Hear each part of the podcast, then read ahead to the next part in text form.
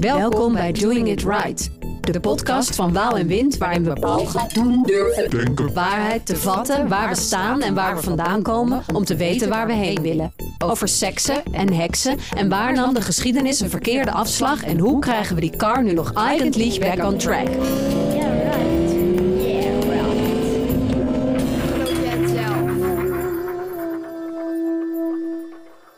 Wij zijn Eva Marie de Waal en Sophie van Winden en wij maken theater maar nu een podcast. over waar we theater over gaan maken. Eerst even dit. Wist jij dat in de 8e eeuw in het Germaanse recht abortus alleen strafbaar was als deze werd uitgevoerd door een onbevoegd familielid? En wist jij dat abortus in 1911 ineens bij de wet verboden werd in Nederland? Daarvoor was het moeilijk vast te stellen of de vrucht die de arts verwijderde dood was of leefde. Maar vanaf toen werd de arts strafbaar en veranderde alles. En wist jij dat vanaf 1950 de strijd voor legale abortus in Nederland echt op gang kwam? En wist jij dat begin jaren 70 illegale abortusklinieken hun deuren openden en justitie ingreep? En wist jij dat op 1 november 1984 de wet afbreking zwangerschap pas in werking trad? Waarmee vrouwen in Nederland allemaal toegang kregen tot legale abortus? En wist je dat er wereldwijd 25 miljoen illegale abortussen per jaar plaatsvinden? En 30.000 legale in Nederland. En wist je dat twee derde van de ongewenste zwangeren anticonceptie gebruikten? Wist jij dat driekwart van de Nederlanders voor het recht op abortus is en slechts 10% echt tegen? En wist jij dat statistisch de mondiale trend er een van ruimer abortusrecht is? Maar dat 42% van de vruchtbare vrouwen op de wereld nog steeds leeft op plekken waar toegang tot abortus beperkt of verboden is? Ik wist een heleboel van deze dingen niet. Ik ook niet.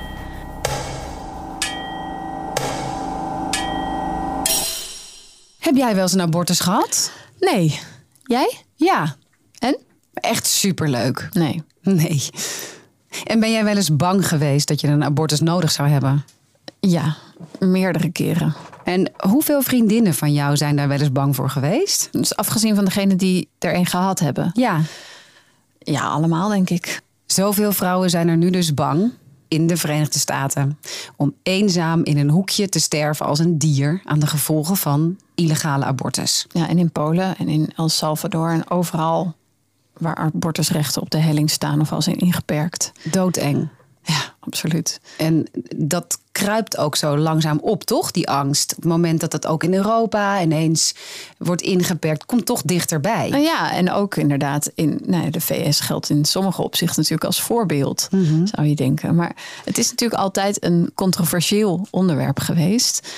Maar eigenlijk Ja, zouden we af moeten van die, van die hiërarchie van wanneer het moreel verantwoord is of niet? Als we abortus ondersteunen vanuit het idee, de vrouw moet zelf beslissen of zij moeder wil worden of niet.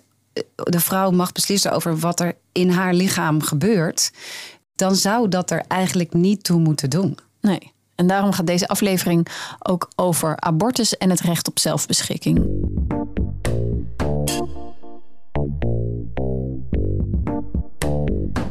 En onder andere daarover spraken wij met Madeleine van der Nieuwenhuizen, rechtshistoricus. En bekend is zij ook onder het pseudoniem Zijkschrift als mediacriticus. Zij promoveert op dit moment in New York. En dat is ook te horen op de achtergrond van de fragmenten dat ze daar nu woont. En zij schreef het boek Leven en Laten Leven. Toen er nieuwe conservatieve rechters aangesteld werden in de VS, toen gaven die aan dat ze het recht op abortus in behandeling zouden nemen. En dat betekent eigenlijk dat ze een nieuw precedent willen scheppen. Dus dat het wel voor de hand ligt dat er iets gaat veranderen met betrekking tot dat recht. En dat was ook zo. En hoe stabiel is dat dan eigenlijk in Nederland, dacht ze. En wat doe je als je recht bedreigd wordt? Ze gaan dan e- maanden in beraad. En maar voordat ze doen, dus die uitspraak kwam pas in juni, maar al in december waren ze aan het vergaderen hierover. En toen was daar een procureur-generaal van de staat Mississippi, een vrouw, die eigenlijk op conservatieve wijze begon te beargumenteren waarom ze vond dat het niet langer nodig was om het recht op abortus te hebben. Want we zijn al zo ver geëmancipeerd dat het niet langer ongelijkheid op de arbeidsmarkt in de hand werkt om een kind te krijgen. Want de sociale en economische vangnetten voor alleenstaande vrouwen of voor zwangere gezinnen zijn beter geworden. Waar heel veel op af te dingen valt overigens. Want als er iets niet goed gericht is in de VS, is het de verzorgingsstaat. Maar goed, zij kwam met allemaal ogenschijnlijk goede argumentatie. Laat ik het zo even zeggen. Goed in de zin van doordacht. En zelf stond ik een beetje met mijn mond vol tanden. Ik kwam niet heel veel verder dan de zin. Ja, gewoon omdat ons lichaam van ons is, toch? Een beetje zoals wanneer je op je dertiende of zo tatoeage wil. En je ouders zeggen dan van, nou lieverd, uh, dat is even niet zo'n goed idee. En dat jij dan zegt, maar het is mijn lichaam. En dat is een beetje, eigenlijk zat ik een beetje zelf in die fase toen ik, toen ik aan het meeluisteren was naar die argumenten in dat hof. Dat ik eigenlijk schrok van hoe slecht ik zelf in staat was om dat te beargumenteren. En toen dacht ik, dan kom ik bij Nederland. Wat nou als het onder druk staat in Nederland, dat recht? Hoe ga ik dan eigenlijk de barricades opspringen om dit te verdedigen als ik eigenlijk niet uit mijn woorden kom? Ja, mooi. Hoe ze meteen helder maakt dat je soms zo goed weet waarom je ergens voor of tegen bent, maar het nog steeds heel moeilijk kan zijn om dat op een goede manier te beargumenteren. Ik sprak met Eva de Groei. Zij is neurowetenschapper, activist en politiek lobbyist, waardoor ze heel goed leert beargumenteren. Zij was betrokken bij het Humanistisch Verbond en het feministische platform De Bovengrondse. Hiervoor bedacht zij onder andere de leus Abortus Red Levens. Ze is voorzitter van AVA, een stichting die zich inzet voor rechten van vrouwen in abortus en anticonceptie. Als lobbyist heeft zij een grote rol gespeeld bij het tot stand komen van de wetswijziging die de verplichte bedenktijd bij abortus afschaft per 1 januari 2023. Nou, ik ging in de kliniek in Den Haag voor de nakontrole. En die nakontrole stelt niet zo heel veel voor. Ik moest basically over een uh, dingetje heen plassen. Zo'n strookje, HCG-strookje. Maar ik was toch een beetje gespannen. En ik uh, fietste naar de kliniek toe en toen zette ik mijn fiets neer. En toen was er aan de overkant van die straat, kleine straat, was een man en die schreeuwde naar mij dat ik een moordenaar was en dat ik naar de hel zou gaan. En die bleef dan maar schreeuwen en schreeuwen.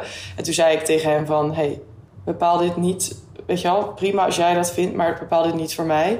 En ik was aan het trillen en toen ben ik de kliniek binnengegaan toen heb ik gezegd, er staat iemand buiten te demonstreren. Toen zei ze, ja, daar, daar, kunnen wij niks aan doen. Want dat is het demonstratierecht. En ik dacht, wow, deze mensen... Deze mensen zijn gewoon voor ongewilde kinderen. Ik wil, ik wil deze zwangerschap niet behouden. Dus ik denk dat toen wel al, al wat is begonnen. En dat toen, toen die man naar mij ging schreeuwen... die dagen daarna... dat ik echt merkte van dit is onderdeel van een groter fenomeen. En deze mensen staan meerdere dagen per week voor die kliniek te demonstreren. Toen dacht ik wel echt van ik wil hier iets aan doen en ik wil mensen helpen en bijstaan. En ik zag heel veel mensen alleen in de abortuskliniek. Hè, dus dat was ook wel echt een, voor mij een wake-up call. Van wow, taboe op abortus is groot. En mensen hierin zijn gewoon in Nederland ook hierin heel erg alleen. Dan hoor je inderdaad dat dat demonstratierecht en het recht op zelfbeschikking of op abortus dus soms wel met elkaar te maken heeft, zeg maar. Tegenover elkaar staan, ja, je? Ja. ja, en wie heeft er dan gelijk? Ja, ik weet het wel. maar ja, in deze, niet iedereen is het met me eens. Nou, wat ik heel mooi vind is dat zij dat moment had dat ze dacht: hé, hey, deze mensen zijn voor ongewenste kinderen. Ja, en dat is ongewilde kinderen is inderdaad wel een, een andere vertaling dan uh, anti-abortus. Ja, of dat is, dat is hetzelfde eigenlijk. Ja, en het is ook een iets ander geluid dan er zijn altijd oplossingen. Ja, sociale vangnet, wat dan helemaal niet per se waar blijkt te zijn ook. Ik uh, vroeg Eva ook ja, sinds wanneer die anti-abortus lobby weer zo op gang is gekomen. Wat we weten van de abortusklinieken zelf is dat nadat Trump aan de macht is gekomen in de Verenigde Staten, ineens de weken daarna al de anti-abortus demonstraties voor de klinieken veel meer toenamen. Dus zagen ze bijvoorbeeld eerst één keer in de, in de twee maanden, was het nu een paar keer per week. Dus dat is wel heel opvallend. En later zijn er artikelen uitgekomen, onderzoeken gedaan door uh, platform Investico onder andere en de Groene Amsterdammer, waar dat ook door te verklaren is. Dus er kwamen echt vanaf dat moment geld en strategische middelen vanuit de Verenigde Staten ook naar Nederland, naar Europa, om uh, anti-abortusorganisaties te supporten en te zorgen dat er vaker wakers, zo noemen ze dan de anti-abortusdemonstranten die voor de klinieken staan, aanwezig zijn. Uh, bij de kliniek in Amsterdam stonden op een gegeven moment allemaal mensen uit Zuid-Amerika die hier uit, uit, in Nederland op bezoek waren. En die stonden dan met van die er is hulpkaartjes. Van, dus ze hebben dan allemaal manieren om mensen te werven. Ze hebben gewoon groter bereik, laat ik het zo zeggen. Ja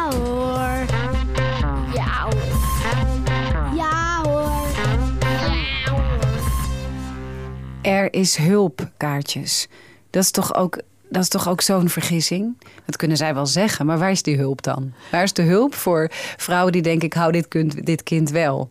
Die houdt op op die hoek van de straat, waarschijnlijk. Nou ja, misschien zijn er best wel organisaties die zich daarvoor inzetten. Maar ik denk, het is toch en-en. Dat vind ik juist als iemand, als iemand een kind wel wil krijgen... dan is het fijn dat er hulp is als het verder een moeilijke situatie is. Maar als je Ja. het kind niet wil, dan is het, het gesprek er helemaal niet, is no- niet nodig. Nee, en Eva vertelde mij ook over een bus. Nou, die bus die staat dan dichtbij een abortuskliniek. Ehm, en dan zeggen ze dat ze hulpverleners zijn eh, en dat ze een hulpverlenend on- verlenende organisatie zijn. Er is hulp.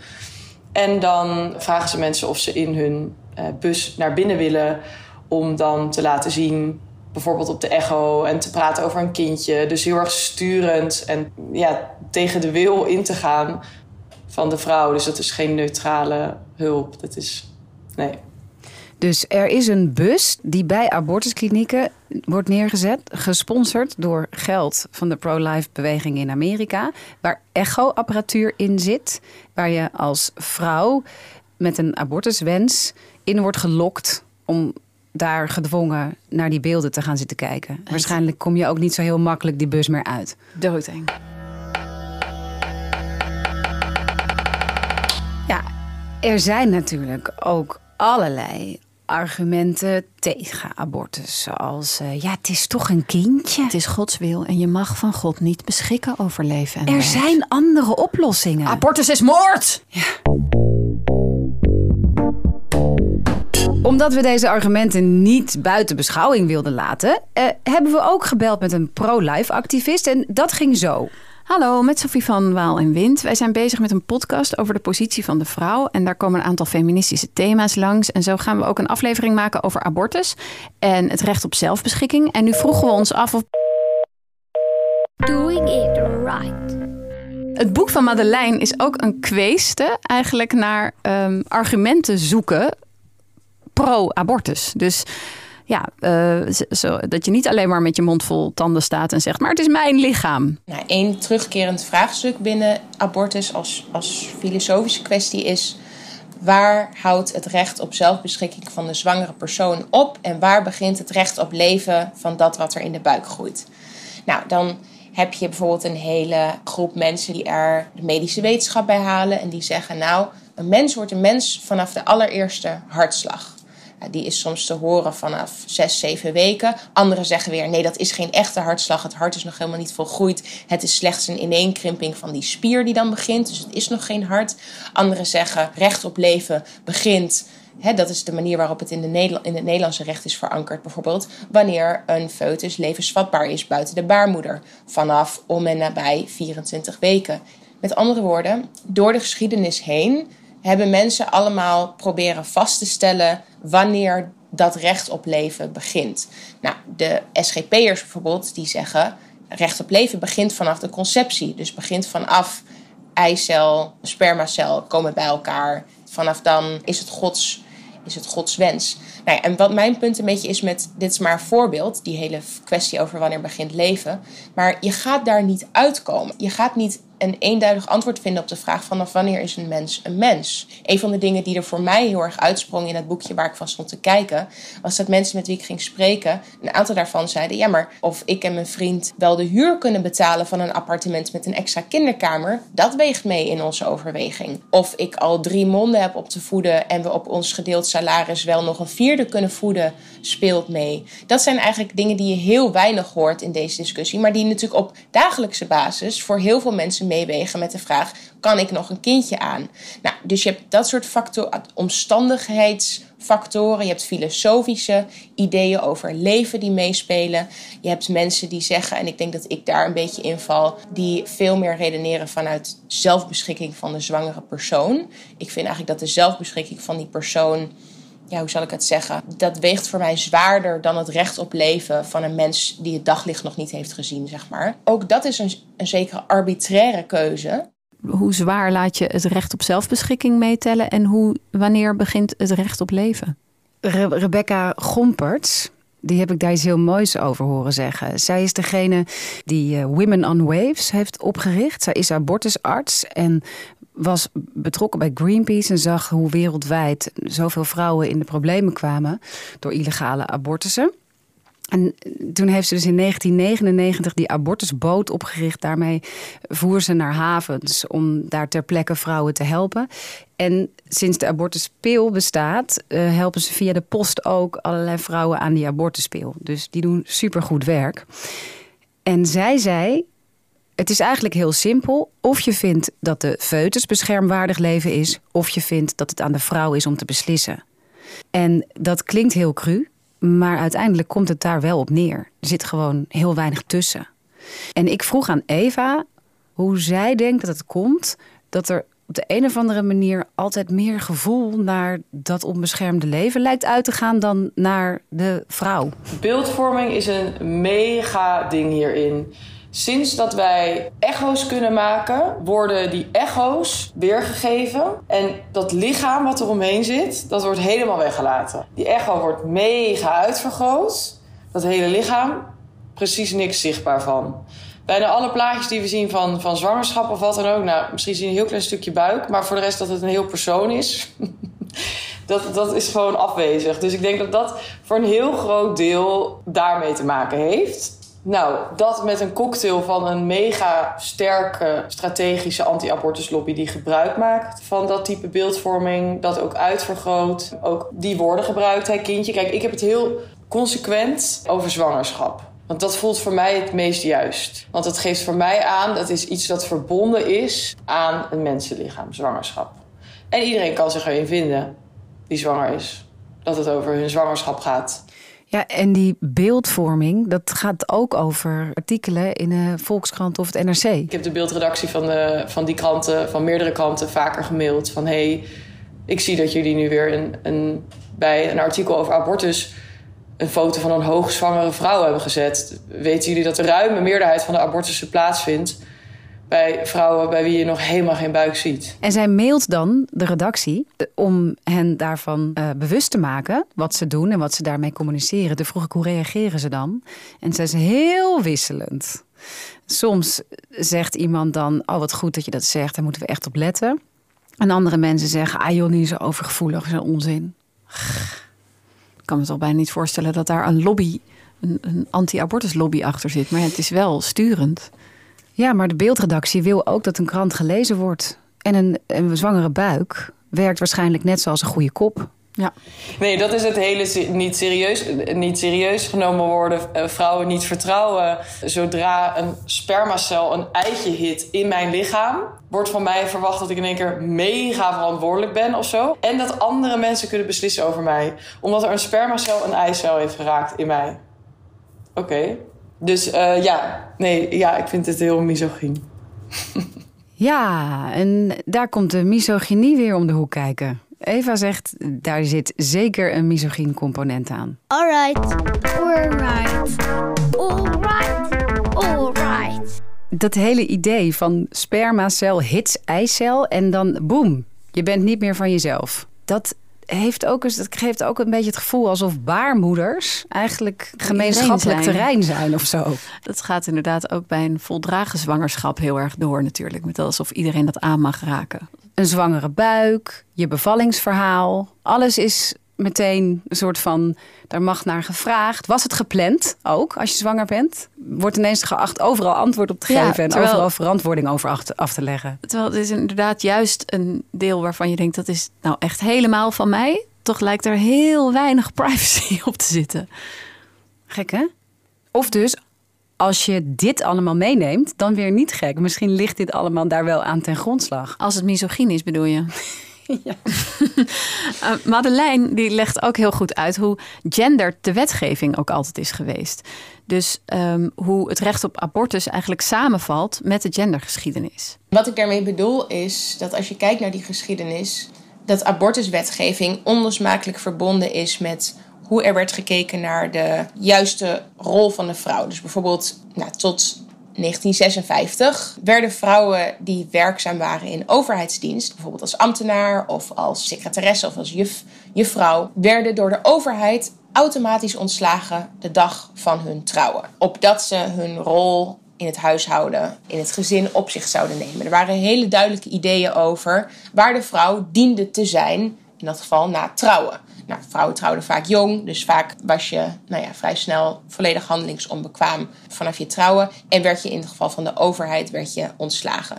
Nou, de reden dat ik dat doe, dat gaat niet direct over abortusrecht, maar het geeft je een inkijkje vanuit weer een ander juridisch perspectief over wat er verwacht werd van vrouwen in de maatschappij. Op dezelfde manier dat bijvoorbeeld heel lange tijd vrouwen niet alleen minder betaald kregen dan mannen, maar dat er in de jaren 30 ook bijna een wet doorheen kwam die maakte dat vrouwen ook niet zoveel mochten betalen als mannen. Waarom? Omdat er in geval van uh, werkloosheid tijdens die economische crisis het niet zo kon zijn dat vrouwen de banen in zouden pikken van mannen. Ook daar, het gaat niet direct over abortus, maar draagt heel veel informatie in zich over wat wij als maatschappij decennia, decennia, zo niet eeuwen hebben gezien als de juiste plek voor de vrouw om zich te bevinden in de maatschappij. Eigenlijk is zelfstandigheid van vrouwen, daar werd altijd een beetje met argusogen naar, naar gekeken. En vaak werd zelfstandigheid gezien, of eigenlijk ongezonde zelfstandigheid, was het niet hebben van kinderen. Of het in check houden, zeg maar, van je reproductiviteit. Van family planning, zeggen ze in het, uh, in het Engels. Er bleek heel vaak best wel veel mogelijk. Als er pragmatische of strategische redenen zich aandienden voor dat beleid om te veranderen. Nou, er zijn heel veel voorbeelden in de geschiedenis van bijvoorbeeld maatschappijen waarin er een enorme armoede was. En het heel moeilijk was om alle monden te voeden. Eh, want er was heel weinig eten en weinig geld en weinig et cetera. Bijvoorbeeld doordat de oogst was mislukt. Opeens was het dan acceptabel om aan geboortebeperking te doen, om aan zwangerschapsbeëindiging te doen. Opeens waren er genoeg goede redenen om toch wel even, even te zorgen dat er niet twaalf kinderen werden geboren. Uh, zodat de rest van het land ook kon blijven eten. Ander voorbeeld is wanneer het Koningshuis of de overheid uh, hun schatkist leeg begon te raken. Begonnen mensen na te denken over, oeh, hoe meer belasting we kunnen heffen, hoe meer geld we binnenkrijgen. Hoe kun je nou meer belasting heffen? Enerzijds door hem te verhogen, anderzijds door meer mensen te hebben op wie je hem kan heffen weet je wat, we gaan nu abortus verbieden. Dat betekent een groei in de bevolking, betekent een groei in het aantal mensen die belasting gaan betalen, betekent een groei in de inkomsten voor de schatkist. Dat soort dingen hebben ook altijd meegespeeld. En ja, ik vind dat echt fascinerend, want het laat zien hoe politiek dit domein altijd is geweest. Ja, het is bizar hè? Hoe, hoe opportunistisch eh, keuzes er soms werden gemaakt die eigenlijk echt helemaal niets met de eigen wil van de vrouw te maken hadden. Of het recht op zelfbeschikking. Maar gewoon met de staatskas. Of uh, ja, hoe de wind waait eigenlijk. Ja, en op zoveel gebieden dus. Want dat voorbeeld wat zij geeft. Van tot 1956 werd je als vrouw ontslagen. Dat, daar zit ook achter. Ja, het is wel handig als iedere man een huishoudster heeft. Dus dan doen we dat gewoon even zo. Ja, en ik vind inderdaad de term ongezonde zelfstandigheid ook wel heel erg heftig dat je ongezond zelfstandig zou zijn als je dus geen kinderen krijgt als vrouw. Er kan dus soms iets heel anders gebeuren, zoals een recessie bijvoorbeeld. En als we mhm. niet goed opletten, dan staat het recht voor abortus op de helling. Ja, ik vraag me soms echt af of het in Nederland ook kan gebeuren. Nou ja, het moet in Nederland natuurlijk wel eerst via de Eerste en Tweede Kamer. Het is niet afhankelijk van de grillen van negen rechters, zoals in eh, Amerika. Maar ja, we moeten wel alert erop blijven. Nou en in Nederland staat abortus wel nog in het wetboek voor strafrecht. Ik bedoel, het is niet een reguliere medische ingreep. En om abortus uit dat wetboek van strafrecht te krijgen, daar strijdt Eva dus ook met de organisatie AVA Helpt voor. Zo heeft zij ook gelobbyd om die vijf dagen bedenktijd eraf te krijgen. En dat vond ik een super interessant verhaal. Want toen die wet afbreken zwangerschap in 1984 kwam. Wat er gebeurt is dat een nieuwe wet een aantal jaren daarna wordt geëvalueerd en een aantal jaren later weer. En in die wetsevaluaties stond gewoon als zwart op wit dat bijna alle vrouwen die abortus pleegden, die bedenktijd heel vervelend vonden. En daar is dus nooit iets mee gedaan. Want op zich kan je ervan uitgaan dat als een vrouw eenmaal zover is dat ze denkt ik wil een abortus, dan heeft ze daar dus goed over nagedacht. Dus op het moment dat ze naar een arts gaat voor een abortus, dan is haar beslissing al heel duidelijk. Als het niet zo is, dan kan je natuurlijk samen met een arts daarover praten en dan kun je samen bedenken om weer naar huis te gaan en een week later terug te komen. Maar dat geldt gewoon niet voor iedereen dat dat slim is. Nou, toen Eva dus begon uh, met dat gelobby om die bedenktijd eraf te krijgen, heeft zij dus allemaal onderzoeken gedaan, maar ook deze wetsevaluaties boven tafel gehaald. Politici heeft ze ermee bestookt. Politici gaan zijn kamervragen gaan stellen. En uiteindelijk is dat dus gelukt. Alright, alright, alright, alright. Ik verbaas me nog altijd over hoe rechts en ook populistisch Nederland is. En uh, in principe is abortus geen links-rechts kwestie. Ik heb super prettig samengewerkt met Okje Tellige van de VVD, onder andere. De VVD heeft een enorme rol gespeeld in alle recente liberaliseringswijzigingen in de wet in Nederland. Dat vind ik heel fijn. Dat vond ik ook in het begin heel interessant. Hè? Met, toen ik uh, in de politieke arena kwam met abortus, dacht ik: wow, dit, dit staat er soort van buiten. Het is wel zo dat er naast die rechtse wind, werkt die rechtse wind ook samen met de conservatieve wind die er door Nederland uh, en Europa waait. En daarbij hoort het teruggaan naar een soort familiewaarde. En daarbij hoort weer een bepaald idee van, van het leven van een vrouw. Uh, hoe dat eruit zou moeten zien. En daarbij horen, horen kinderen. En daarbij hoort niet het recht op abortus. Het is ongelooflijk hoeveel mensen rechtsconservatief stemmen, laat ik het zo zeggen, in Nederland. En dat is een beetje scheef met hoeveel mensen eigenlijk in Nederland voor het recht op abortus zijn als je dat uitvraagt. Dat is wel de meerderheid. Mensen denken er niet aan. Weet je wat het is? Mensen leunen zo achterover rondom abortus. Gewoon iedereen die ik het altijd vertel, maar niet uit waar. Maar niet uit in welke kringen. Niemand heeft het idee dat, dat je op abortus moet letten als je naar de stembus gaat in Nederland. En dat is wel zo. Ja, niemand denkt daar dus aan als ze naar de stembus gaat, zegt zij. En dat moeten we wel blijven doen. Mhm. Ik vroeg haar ook of ze denkt dat het gaat lukken om abortus uit het wetboek van de strafrecht te halen. Oh ja, ik voel nu zo'n goede, goede energie. Sinds dat ik ermee ben begonnen, ja, is gewoon het iedere keer droppen overal. Mensen weten het niet dat het in het wetboek van strafrecht staat. En dat is echt, ja, het moet er gewoon echt uit. Uh, en wat heel tof is, is dat nu uh, en Vara in samenwerking met Humanistisch Verbond een toffe actie is gestart, namelijk een burgerinitiatief om het aan te kaarten. GroenLinks is nu een wetsvoorstel aan het schrijven om abortus uit het wetboek van strafrecht te halen. Met de bovengrondse hebben we ervoor gelobbyd. Uh, AVA Helpt heeft het ook in, de, in ons beleidsplan, dus het is ook onze beleidsdoelen. We zijn een minder activistische organisatie in die zin. We werken op een andere manier door echt naar vrouwen te luisteren.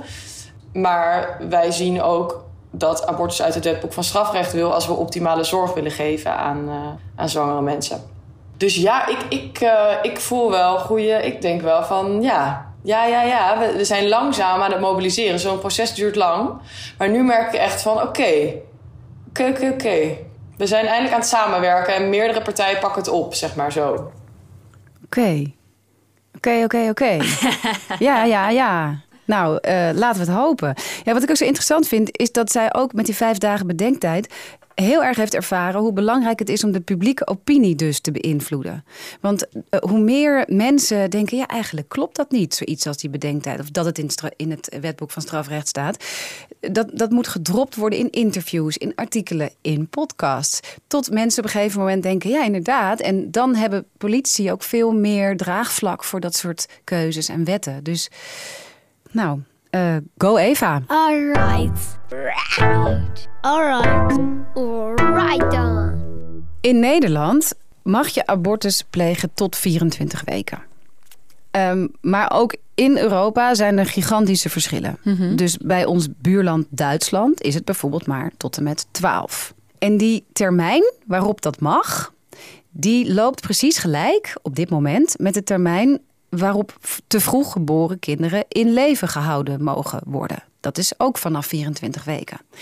Maar wat daar nu ingewikkeld aan is, is dat de techniek de praktijk eigenlijk al heeft ingehaald. Want artsen kunnen ook met 22 weken soms al gaan proberen een kind in leven te houden. En in overleg met ouders gebeurt dat ook al soms. En dan zijn er dus mensen die zich afvragen of die abortustermijn niet ook teruggeschroefd moet worden. Omdat er dus op de een of andere manier een verbinding tussen lijkt te zijn. En de vraag ook wordt gesteld: moet die er wel zijn? Ik vond dat dus heel interessant wat Eva net zei: dat abortus geen links- of rechts thema is, maar dat er wel degelijk alleen rechtsconservatieve partijen zijn die abortus op de agenda hebben staan of daar iets mee willen, bijvoorbeeld met die termijn. Want Ja. ik, ik hoorde laatst eh Nikki Pauverwij van Ja 21, die zichzelf met trots de eerste vrouwelijke SGP'er van Nederland noemt. Ze zit dus niet bij de SGP, want de SGP heeft geen vrouwen in zijn partij. Maar zij kan blijkbaar bij de Ja 21 ook eh, flinke conservatieve meningen doen gelden. En ehm, zij zei dat het heel achterhaald is dat we die termijn bij 24 weken hebben staan. Dat dat in een andere eeuw gemaakt is, want de medische wetenschap is al veel verder. En nou ja, de mensen die naar haar luisterden, die gingen ook helemaal mee in dat het eigenlijk leek alsof zij een heel progressief verhaal had. Van nou we moeten gewoon met onze tijd mee en die wet is ouderwets. Maar je hebt het dan dus alleen over de levensvatbaarheid van het kind. En je gaat totaal voorbij aan het recht eh, op zelfbeschikking van de vrouw. En je maakt je als vrouw, of we maken de vrouw dus eigenlijk heel kwetsbaar als we zoiets ophangen aan de medische wetenschap, aan de technologie. Ja, en je maakt een soort, soort scheidslijn tussen dat kind wat in die vrouw leeft en de vrouw. Eigenlijk zeg je, als dit kind levensvatbaar is, dan moet jij het voldragen. Ja. ja, en dan kom je natuurlijk uit bij die filosofische vraag: wanneer is iets mens? En ehm, ja, Ja, wanneer is iets mens? nou ja, daar hebben ze. Dus de een heeft als het levensvatbaar is, of als het hartje klopt, eh, zeggen anderen. Als het zelfstandig kan leven, wat ik een heel ingewikkeld begrip vind. Want wanneer is het zelfstandig? Ook een baby die net geboren is, kan onmogelijk zelfstandig leven. Daar moet heel intensief voor gezorgd worden. Als het ja. een prematuur kind is, alleen nog maar meer. Ja, maar Dus- ja, er zijn ook mensen die zeggen het is een mens vanaf de conceptie. Ja, en hoe ziet dat er dan uit? Dan is het weer spermacel, hits, eicel en het is een mens. Ja, en dag met je eigen wensen. En wat vind jij? Wanneer, Eh. wanneer vind jij dat, dat iets, zo'n embryo, een mens genoemd mag worden? Kan worden? Ja, ik vind het wel een heel, heel moeilijke vraag. Maar vooral omdat het dus in relatie staat tot dit onderwerp. Want dan denk ik, ja, als dat zou betekenen dat het moment, kijk, dat moment dat toen ik een baby in mijn buik had, dat ik dacht, nu is het een mens. Dat was omdat ik het heel graag wilde hebben. Dus dan denk ik, ja, dan, dan is het heel snel voor mij al een mens. Maar als ik dat niet had gewild, ja, dan vind ik dat dat niet zo'n interessante vraag is eigenlijk. Ja, als ik denk aan een baby in mijn buik, dan denk ik bijvoorbeeld ook het moment dat ik dat voelde bewegen. Toen werd het voor mij meer dan een dingetje. De medische richtlijnen waarin de levensvatbaarheidsgrens staat, dat gaat met name over mensen met een gewenste zwangerschap. Die graag een kind willen. En die graag een kind willen baren en op de wereld willen, willen zetten. Bij de abortuswet gaat het met name over ongewenste zwangerschappen. En wat het probleem is met, met dat er nu in de huidige abortuswet die levensvatbaarheidsgrens is opgenomen. En niet een wekengrens bijvoorbeeld, maar dat die echt zo is genoemd, die levensvatbaarheid. Is dat we voorbij gaan aan het baringsproces. Dus je hebt een, een zwangere vrouw. En dan heb je daarna een eh, baby op aarde. Terwijl eigenlijk is dat baringsproces vraagt heel veel van een vrouw. Is een, is een levensgevaarlijk proces. En daarbij moet een vrouw ook heel veel geven. Dus die ongewilde baring zit daar niet in. En dat is, dus het is problematisch om, om die aan elkaar te linken. En om die twee verschillende situaties met elkaar te vergelijken. Daar komt bij dat ook voor gewenste zwangerschappen die toch een abortus willen doen omdat ze erachter zijn gekomen dat er iets mis is met hun zwangerschap, zit die grens van abortus ook enorm in de weg. En daar is Bienvenida Linsgeer heel erg voor aan het strijden met de wet van Lef. Zij doet ontzettend goed werk om ook die, die grens voor abortus te verruimen. Voor die schrijnende situaties om het mogelijk te maken voor mensen om uh, geholpen te worden. Ik, ik vind dat er geen grens moet zijn aan abortus. En mijn argumentatie daarvoor is zowel een soort van inhoudelijk filosofisch, een beetje wat ik eigenlijk net vertelde, maar ook pragmatisch. Ik heb gewoon, zeker in de COVID-periode, Poolse vrouwen aan de telefoon en op WhatsApp gehad. Nou, ik krijg nu kippenvel ervan. Mensen die ongewenst zwanger zijn en die zwanger zijn en die heel laat in hun zwangerschap zitten, dat zijn dat zijn de ergste situaties. Zeg maar, dat is niet het ergste, het maakt niet uit. Het is verschrikkelijk. Vrouwen die een abortus willen, willen dat liever, zo, willen dat liever heel snel. Zo snel als zij voelen van ik ben er klaar voor. En niet langer wachten dan dat. Ja, zo waar, wat ze hier zegt. Vrouwen die een abortus willen, die, die willen dat echt het liefst zo snel mogelijk. Dus dat totale gebrek aan vertrouwen in vrouwen dat ze dat zelf kunnen beslissen. En dat ze heus niet dan voor de lol gaan wachten tot week 37. Ja, dat is zo'n raar idee. Hoe, waar komt dat vandaan? Als, Ja, het is een angst waarschijnlijk. Maar ja, het is een heel idioot idee. Ik, moet, ik vind ook het heel sterk hoe zij praten over hoe, hoe levensgevaarlijk een bevalling is. Of het alleen maar dragen van een zwangerschap, hoe zwaar dat is. Ik bedoel, als je toch zelf het hebt meegemaakt, wel tot het, eh, tot het einde, zou ik maar zeggen, dan, dan gun je dat toch niemand die dat zelf niet wil. nee, ik gun ook niemand het moederschap die dat zelf niet wil. Nee. Ik vind het moederschap hartstikke leuk, maar het is eh, wel zo eh, intensief en soms alles overheersend dat ik echt denk dat hele idee van ongewenste kinderen dat die op de wereld moeten komen. Nou, als ik dat optel bij hoe intensief het ouderschap eigenlijk is, denk ik waarom zouden we dat willen? Ja, Madeleine die liep ook tijdens een demonstratie met een bordje Forced pregnancy is violence. Wauw. Stel, hè, stel, je, stel je wil na de 24ste week niet meer zwanger zijn. Of na de 30ste week.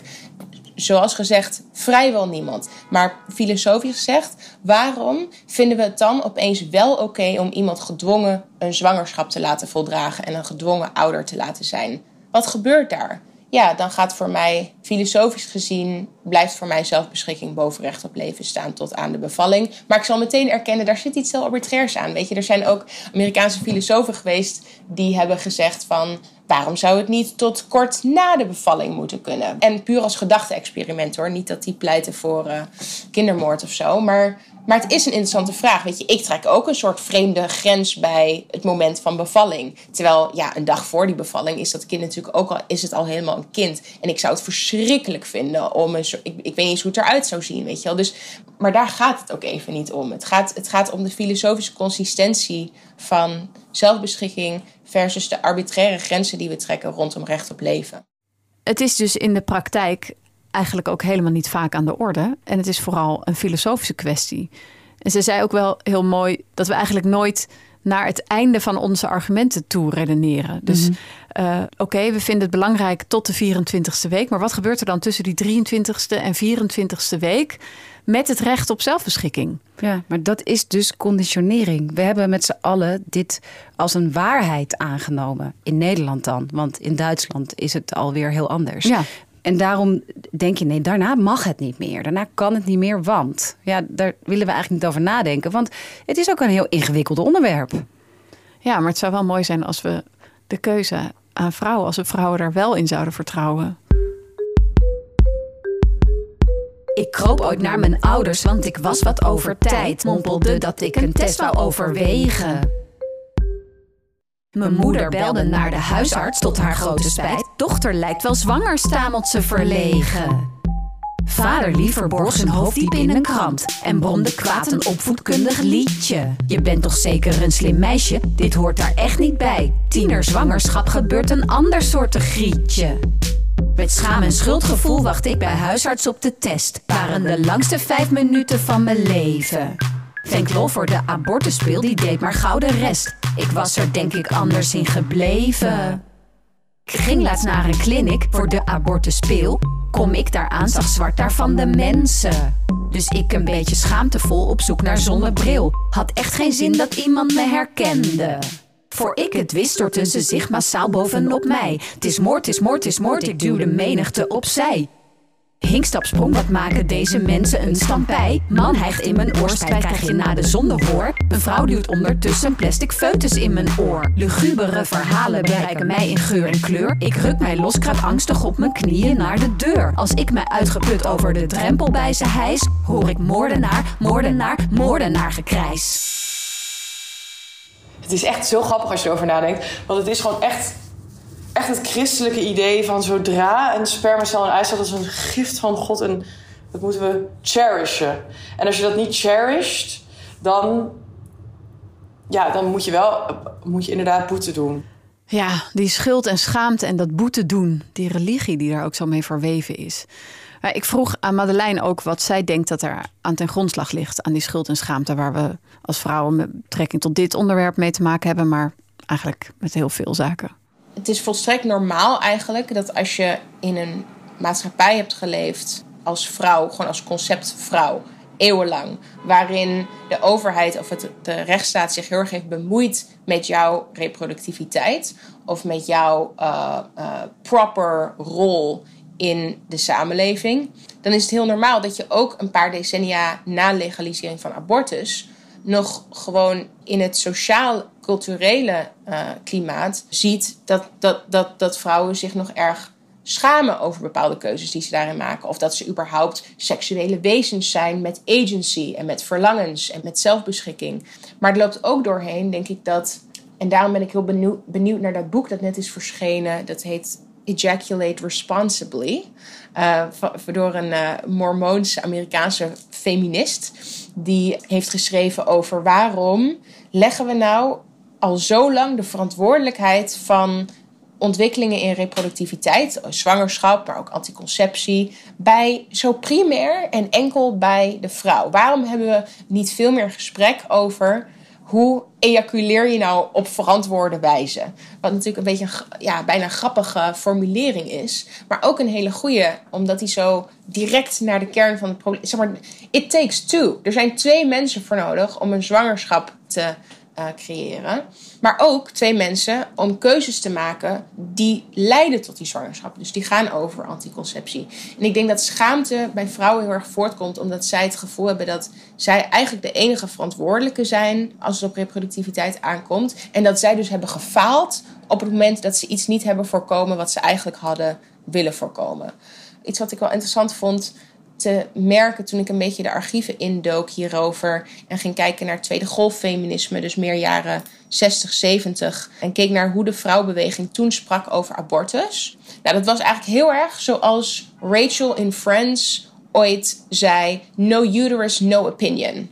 Gewoon, heb je geen baarmoeder, dan get out of my way. Gewoon, dan hou je mond. Dat is volgens mij niet verstandig geweest. Dat is iets waarvan ik denk, dat had de tweede golf ik begrijp misschien waarom ze het deden. Er zat heel veel opgekropte frustratie en terechte woede. Maar om zo radicaal mannen als groep te verbannen uit het gesprek over abortus en daarmee uit het gesprek over uh, reproductive rights, is volgens mij gewoon strategisch een beetje catastrofaal geweest. Want wat je doet is, je zegt jij mag niet meepraten. Kijk, het is, iets om, het is een verschil te zeggen: jij mag niet meebeslissen over of ik het recht heb, ja of nee. Maar mannen beslissen, ik bedoel, mannen zitten in ons levens. We, komen, we worden zwanger door mannen of transvrouwen, dat kan ook. Maar in elk geval, gewoon even op dagelijkse basis, als je zwang, ongewenst zwanger bent, dan heb je het daar met je partner over of met degene die je zwanger heeft gemaakt. Natuurlijk voer je daar gesprekken over. En natuurlijk is het zo dat diegene niet uiteindelijk mag bepalen voor jou wat je gaat doen. Maar de realiteit is gewoon veel rommeliger, zeg maar, dan simpelweg. Uh, jij gaat daar niet over. In de praktijk heb je heel veel gesprekken met elkaar. Maar als een van de twee heeft geleerd om eigenlijk niet eens gedachten daarover te mogen vormen. En als het ware een beetje uittuned uit het hele maatschappelijke discours daar doe je ook echt niemand een plezier mee, volgens mij. Dat, dat komt het gesprek hierover, en niet zozeer het debat, maar simpelweg het gesprek erover, ook niet ten goede. Dus ik ben niet zo heel erg fan van het uh, no uterus, no opinion. Je mag best een mening hebben, zorg alleen dat je hem niet oplegt aan mensen die zwanger zijn. Maar je mag wel meepraten. Er is natuurlijk ook wel eeuwenlang en nog steeds door mannen wel over vrouwen besloten. En, en daar is zo'n uitspraak natuurlijk ook een reactie op. Ja. En daarom is die uitspraak ergens ook wel lekker. De eerste keer dat ik dat hoorde, dacht ik, ja, inderdaad.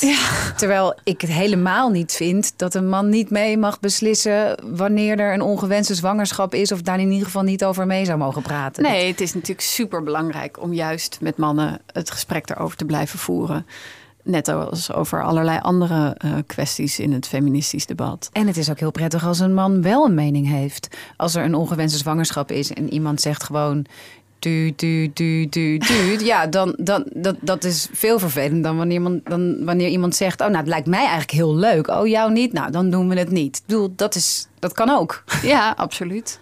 Ja. Maar ja, ik ben ook wel erg benieuwd naar dat boek. eh, Ejaculate Responsibly. Ik bedoel, ik vind wel wat zij zegt, wat er nou ten grondslag ligt aan die, aan die schaamte en die schuld. Dat dat enerzijds dus onze, eh, nou ja, nog steeds achterhaalde seksuele moraal is. En anderzijds eh, dat anticonceptie eigenlijk alleen maar een verantwoordelijkheid van vrouwen is. Ja, dat is wel een hele goede verklaring, vind ik, waar nog wel wat verbeterd kan worden. Absoluut. Je merkt ook in de manier waarop er over gesproken wordt, over abortus, of dat nou in de politiek is of in de media, dat daar een mening in doorklinkt van hoe we met dit onderwerp om zouden moeten gaan. En dat mensen ook vooral mensen niet voor het hoofd willen stoten. Ja, precies. Want politici die Zijn heel zich- voorzichtig. ja, die zijn heel voorzichtig. Die hebben het altijd over dat het geen lichtzinnige beslissing is. Dat we vrouwen hierin, nou ja, er wordt heel zwaar en gewichtig over gesproken. Er is best wel een rel uitgebroken toen Fidan Ekis bij Op1 eh, zei... ja, waarom doen al die feministen nou zo vrolijk over abortus? Ik begrijp al die vreugdedansjes niet. Nou, ze kreeg gigantische bijval van mensen, maar ook heel veel tegenstand. Omdat mensen eh, zeggen, ja, het gaat niet om vreugdedansjes. Het gaat erom dat je heus wel blij mag zijn met je recht op abortus. Je hoeft niet per se heel blij te zijn met je abortus. Maar aan de andere kant, je mag ook wel blij zijn met je abortus Ja. als het jouw abortus is. Opgelucht. of- Ja.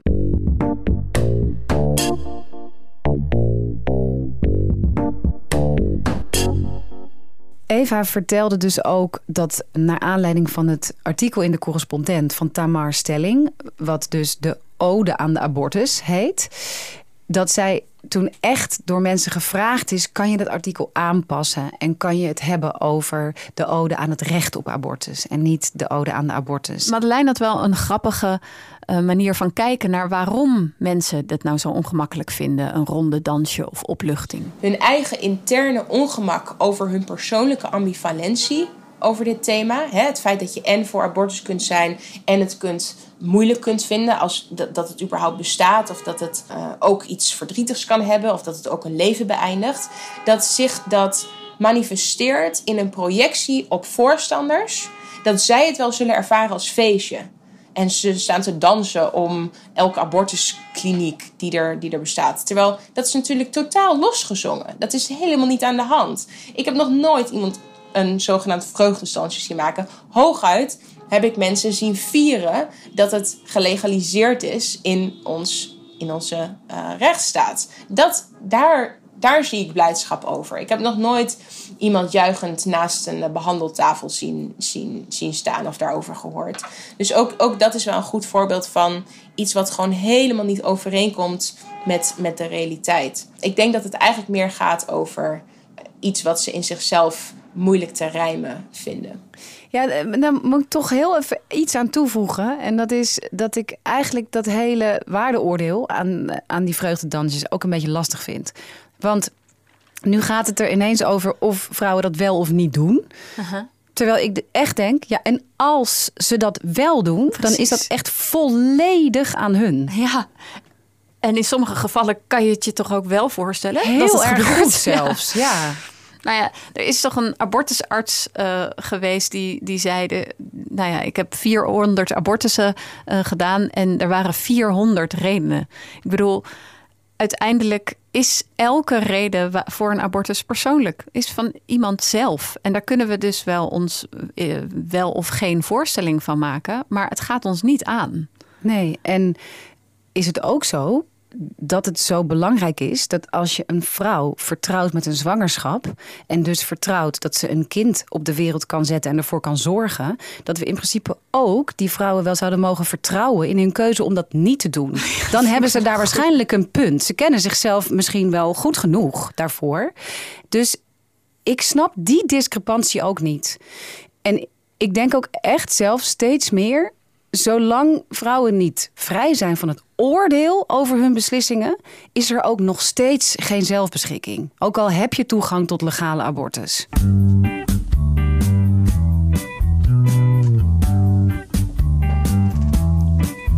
Voor degene die 16 en alleen is. Voor degene met de carrièrekans. Voor degene die geen geld en slecht ter been is. Voor degene met drie kids net in balans.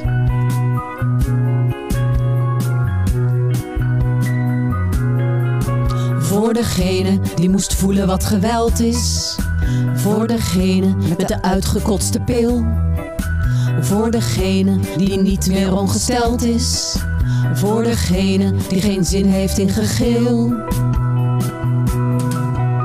Stem voor, laat, kies, leef zelf en beschik maar. Stem voor, laat, kies, leef zelf en beschik maar.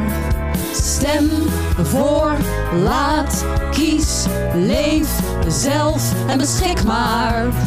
Stem voor, laat, kies, leef zelf en beschik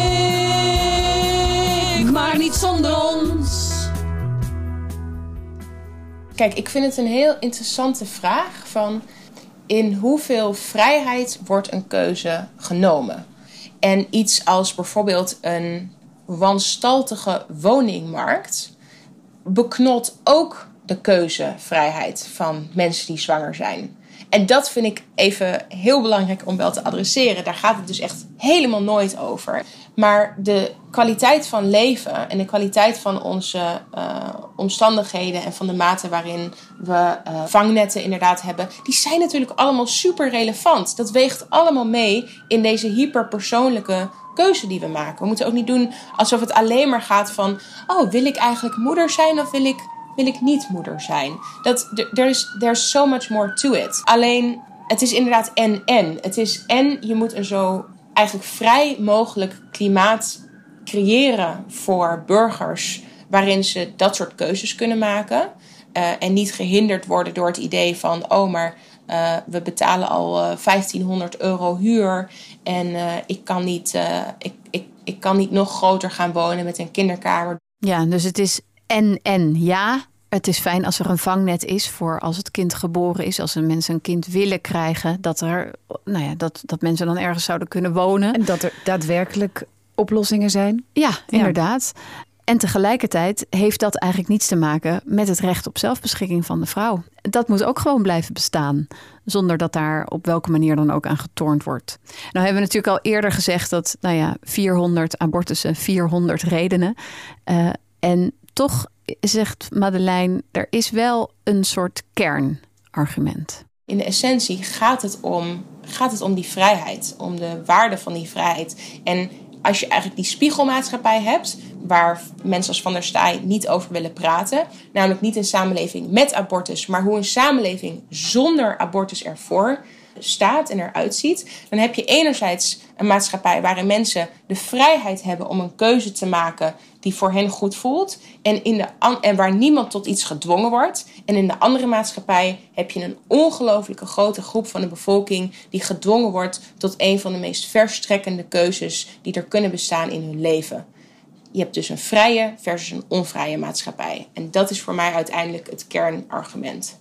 Ja, een vrije maatschappij versus een onvrije maatschappij. Nou, weet ik wel wat ik wil kiezen, toch? Ja, en zeker als je bedenkt dat dat dan ook vrijheid is die maar voor de helft van de bevolking geldt. Of een onvrijheid in deze.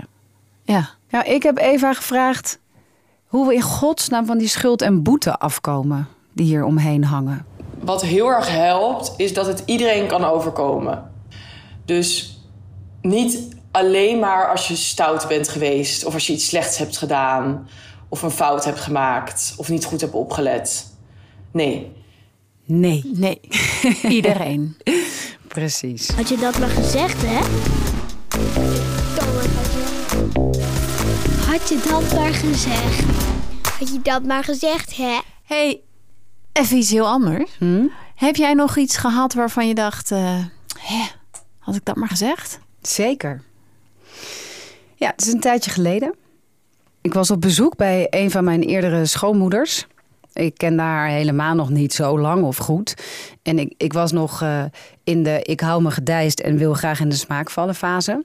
En ik weet niet hoe, maar het gesprek kwam op ongewenste zwangerschappen. En voor ik het wist, kreeg ik een betoog over me heen dat abortus echt niet nodig zou zijn, mocht ons dat ooit overkomen, want dan konden we het kind gewoon bij haar brengen. Dat ze dat in de regel altijd tegen iedereen zei. Abortus is echt niet nodig, breng maar bij mij. Ik verslikte me toen bijna in mijn ik wil in de smaak vallen en hou me getijst houding enerzijds. En ik kan niet tegen onrecht, onjuistheid en onbewustheid eh, en ga daarover het gesprek aan, behoefte anderzijds. En dat laatste won het toch. En ik opperde voorzichtig dat dit niet per se voor iedereen de wenselijke uitkomst zou zijn, wellicht. Waarop zij zei: Hoezo niet?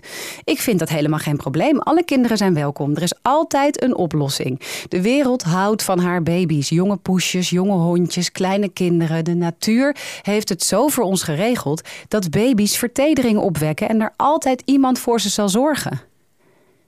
Is dat zo? zei ik. En is het daarmee opgelost? Het probleem wat zich in de buik van de vrouw in kwestie afspeelt en plotsklaps opgelost moet worden door iemand anders dan zijzelf. Zij hoeft alleen maar haar straftijd voor haar onbezonnen gedrag uit te zitten, zo'n negen maanden, tegen wil en dank een band opbouwend met het steeds groter groeiende mens in haar, zich steeds meer een voorstelling makend van een wat als, onderhevig aan hormonen die haar ingeven dat ze ten alle tijde dat iets in haar buik dient te beschermen en verzorgen. En dan met man en macht jezelf onthechten, erbij houden.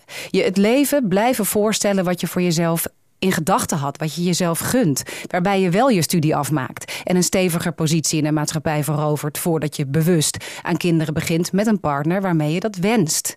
Jezelf door alle pijn en ongemak van het zwanger zijn heen eet, door de levensveranderende, levensbedreigende gebeurtenis van de bevalling heen worstelt, die je aan alle kanten doet inzien dat het moment dat je van het ding in jou losgekoppeld wordt, er in feite alleen maar een diepere band ontstaat, omdat jullie dit samen doen, dat ter wereld komen en er op dat moment een nieuw leven begint waarvan jij altijd moeder zal zijn. Ook als je elkaar nooit meer ziet. Want natuurlijk niet zo is. Want juist door dit feit en deze verbintenis zie je elkaar de rest van je leven altijd en overal. Op straat, in de supermarkt, op vakantie aan de andere kant van de wereld. Iedereen kan het zijn je altijd bewust van de leeftijd van de ander, herken je in iedereen iets van jezelf, van haar, van de moeder die jou niet wilde, waardoor je jezelf ook maar moeilijk kan accepteren, of van het kind wat je niet wilde, maar waar de natuur de oplossing voor heeft bedacht, namelijk de wereld houdt van haar baby's, dus geef maar hier. Heb jij enig idee hoe ingrijpend het proces van adoptie is voor de directe betrokkenen? Ook dat zou een keuze moeten zijn. En die kan alleen maar gemaakt worden door degene die dat aangaat. En niet door bemoeizuchtige babyliefhebbers of zogenaamd niet-religieuze, maar ondertussen onbewust geïndoctrineerde pro-life aanhangers in de naam van de liefhebbende natuur. Had je dat maar gezegd, hè? Zo. Had je dat maar gezegd? Ja. Nou, dat heb ik toen dus gezegd. Een soort van. Echt waar? Wat zei ze?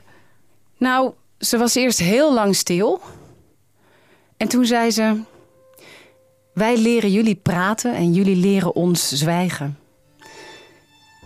En dat vond ik eigenlijk heel mooi. Ja, dat vind ik ook heel mooi. Ik vind hem heel aangrijpend eigenlijk. Ja. Kom eens even hier, vrouwtje. Ik vind het sowieso echt zo'n aangrijpend onderwerp. Ik gewoon zo, ik weet niet, het grijpt, het is- hangt zo verschrikkelijk met alles samen wat oneerlijk is. Ja, maar dat is het denk ik echt. Omdat het, als je dat ook ziet, hoe, hoe de ene wet Ja. daarmee te maken... Het is de regulering van het vrouwenlichaam. Ja, ja. Maar ook als jij dan nu zegt, ja, hoe, hoe mensen met barende vrouwen omgaan, weet je wel, dat zit er ook. Dat, je hoeft het alleen maar te noemen. En dan denk ik, ja, inderdaad. Ik heb ook nog een hele. Die, die, die ruwe artsen, die vroeger dus expres de abortus heel pijnlijk maakten voor een vrouw, die hebben we niet eens, die hebben we niet eens genoemd. Dat, dat, dat, dat was een bekend fen- fenomeen. Ik bedoel, als je als vrouw zwanger was geraakt, nou ja, dan moest je dus eh, wel eh, nou, bloeden, letterlijk.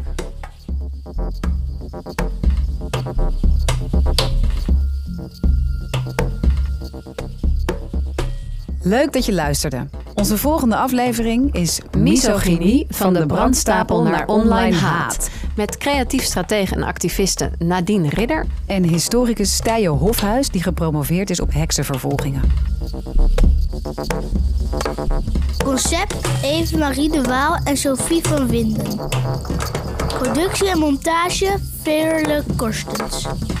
Muziek Arthur Wagenaar. Beats bij Rijm Vince van Geproduceerd in de context van de vrije ruimte via Rudolfi Productie in samenwerking met Waal en Wind. Dankjewel voor het luisteren. En heel graag tot de volgende keer. Doei! Bye bye!